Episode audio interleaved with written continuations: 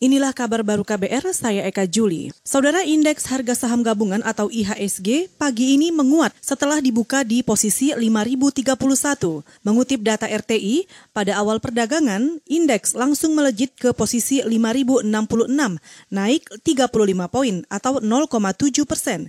Banyak analis menyebut IHSG diperkirakan menguat karena sentimen positif pasar terhadap kemungkinan Bank Indonesia mengoreksi lagi suku bunga acuan pada rapat Dewan Gubernur pekan ini. Selain itu juga, pasar diperkirakan menggeliat dengan berbagai kabar perkembangan penelitian vaksin COVID-19. Penguatan juga terjadi di sejumlah bursa saham utama Asia, kecuali Straits Times Singapura, yang melemah 0,15 persen yang terpicu hasil pemilu. Rupiah saat ini diperdagangkan di kisaran 14.416 rupiah per 1 dolar Amerika Serikat.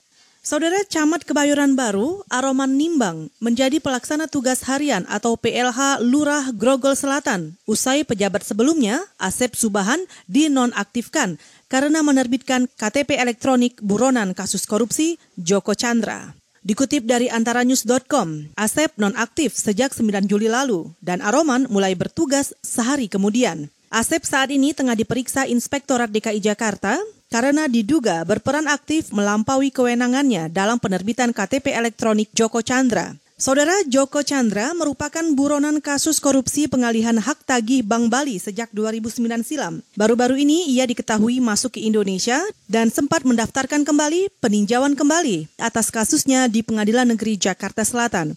Menteri Koordinator Politik, Hukum, dan Keamanan Mahfud MD menyatakan bakal mengaktifkan kembali tim pemburu koruptor untuk menangkap Joko Chandra. Saudara, kesibukan Israel dalam penanganan COVID-19 diduga menjadi alasan penundaan aneksasi atau pengambilan paksa wilayah tepi barat Palestina 1 Juli lalu. Hal itu disampaikan Dirjen Kerjasama Multilateral Kementerian Luar Negeri Indonesia, Febrian Rudiat. Di internal Israel sendiri, hingga kini juga belum ada kesepakatan bulat terkait aneksasi.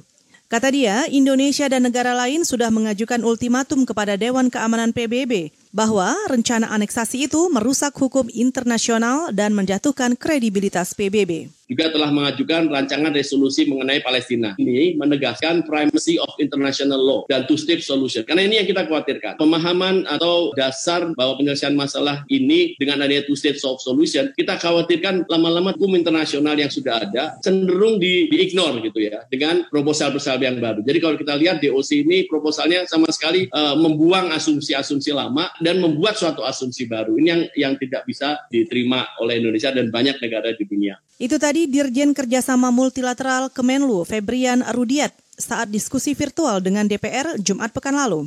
Menurutnya, seluruh negara di Dewan Keamanan PBB sepakat menolak aneksasi Israel, kecuali Amerika Serikat. Saudara, demikian kabar baru. Saya Eka Juli.